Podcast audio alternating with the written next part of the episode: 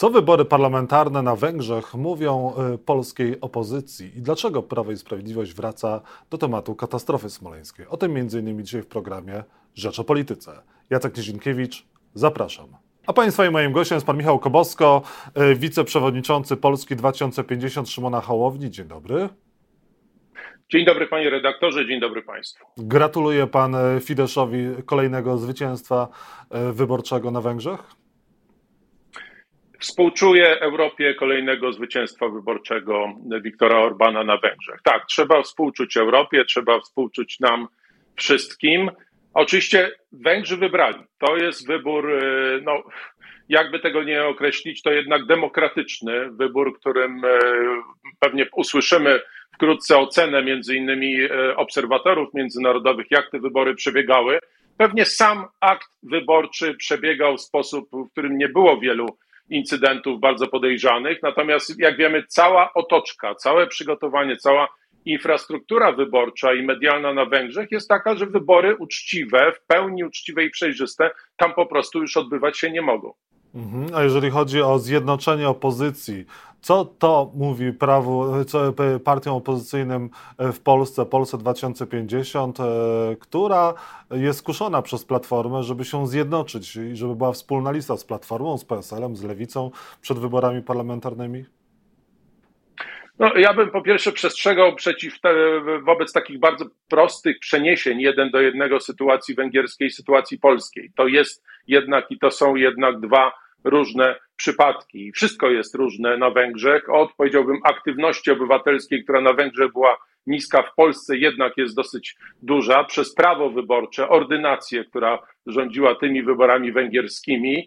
No, wszystko jest inne, także media, także media. Rozmawiamy w Rzeczpospolitej, czyli w jednym z wolnych mediów. Takich gazet, takich wolnych mediów już na Węgrzech nie ma. Tam y, słyszeliśmy, że opozycja miała w ciągu tygodnia 5-7 minut telewizji tak zwanej publicznej, żeby przedstawiać swój program.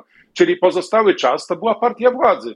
No, na szczęście u nas jeszcze takiej sytuacji nie ma i trzeba robić wszystko, żeby do takiej sytuacji nie doszło.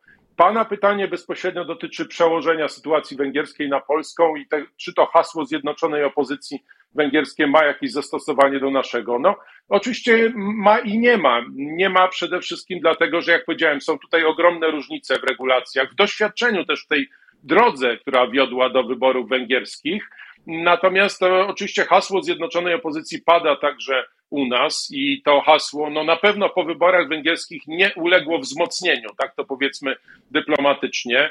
E, trudno byłoby powiedzieć, że na Węgrzech był sukces, w związku z tym należy natychmiast próbować ułożyć jakąś kalkę w Polsce. Nie, nic takiego się nie wydarzyło i wydaje mi się, że to doświadczenie pokazuje, jak trudna jest dla wyborców przede wszystkim, nie dla partii, nie dla polityków, ale jak trudna jest dla wyborców ta konstrukcja zjednoczonej opozycji, w której są partie od sasa do lasa, której dla wyborców, wyborcom prawicowym proponuje się, żeby popierali kandydatów bardzo lewicowych i odwrotnie.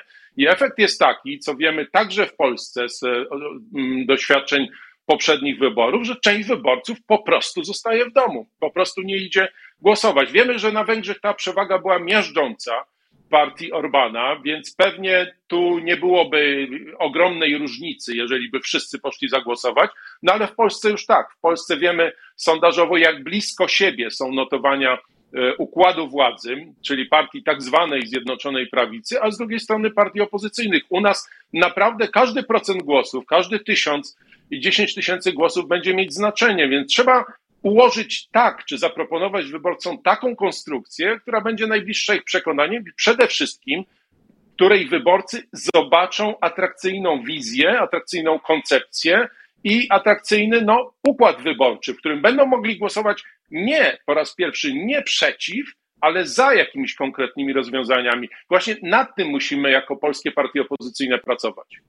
Zapytam wprost i proszę o niedyplomatyczną odpowiedź. Czy po wyborach e, parlamentarnych na Węgrzech Polska 20, 2050 e, jest bliżej wspólnych list na wybory parlamentarne z Platformą Obywatelską i PSL-em, czy dalej? No ale pan stawia trochę tak pytanie, jak zostało zadane w referendum na Węgrzech, które dotyczyło e, akurat e, środowisk LGBT. To znaczy, pytanie może być tendencyjne, bo pan zapytał od razu o konstrukcję z Platformą Obywatelską i z PSL-em, a tak naprawdę tych scenariuszy jest kilka. Ja nie uciekam od odpowiedzi, ja tylko mówię, to nie jest jeszcze ten czas na decydowanie, to na pewno nie jest ten czas. Nie wiemy, pan, kiedy... Pan nie odpowie, nie odpowie mi jednoznacznie, czy Polska 2050 w wyborach parlamentarnych wystartuje samodzielnie, czy z, inną, z innym ugrupowaniem lub ugrupowaniami na wspólnej liście? Byłbym troszeczkę nieodpowiedzialny przede wszystkim wobec naszych sympatyków i wyborców, gdybym dzisiaj złożył taką deklarację, ponieważ jeszcze raz powtórzę, to jest taki czas, w którym my naprawdę musimy siąść i, i to uważam, że powinno wynikać dla polskiej opozycji z wyborów węgierskich.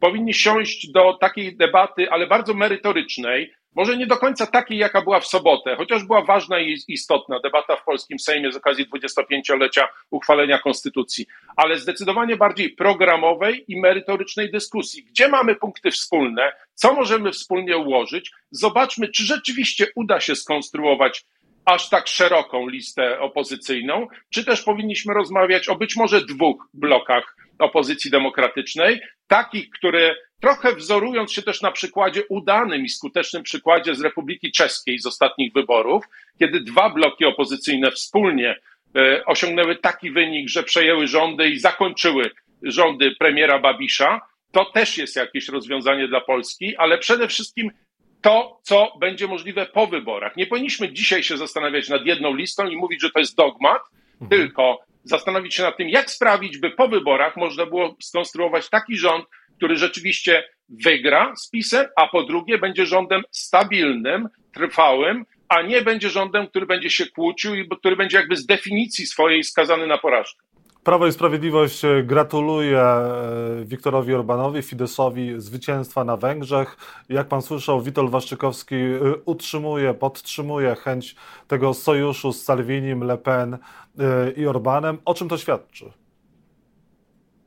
No ja słuchałem uważnie wywiadu pana redaktora z panem ministrem Waszczykowskim i muszę powiedzieć, że nie, no nie byłem niestety zaskoczony. No nie ma nic nowego w relacjach między Kaczyńskim a Orbanem. Nic nowego w relacjach między PiSem a Fidesem. To są niezmiennie bardzo bliskie relacje.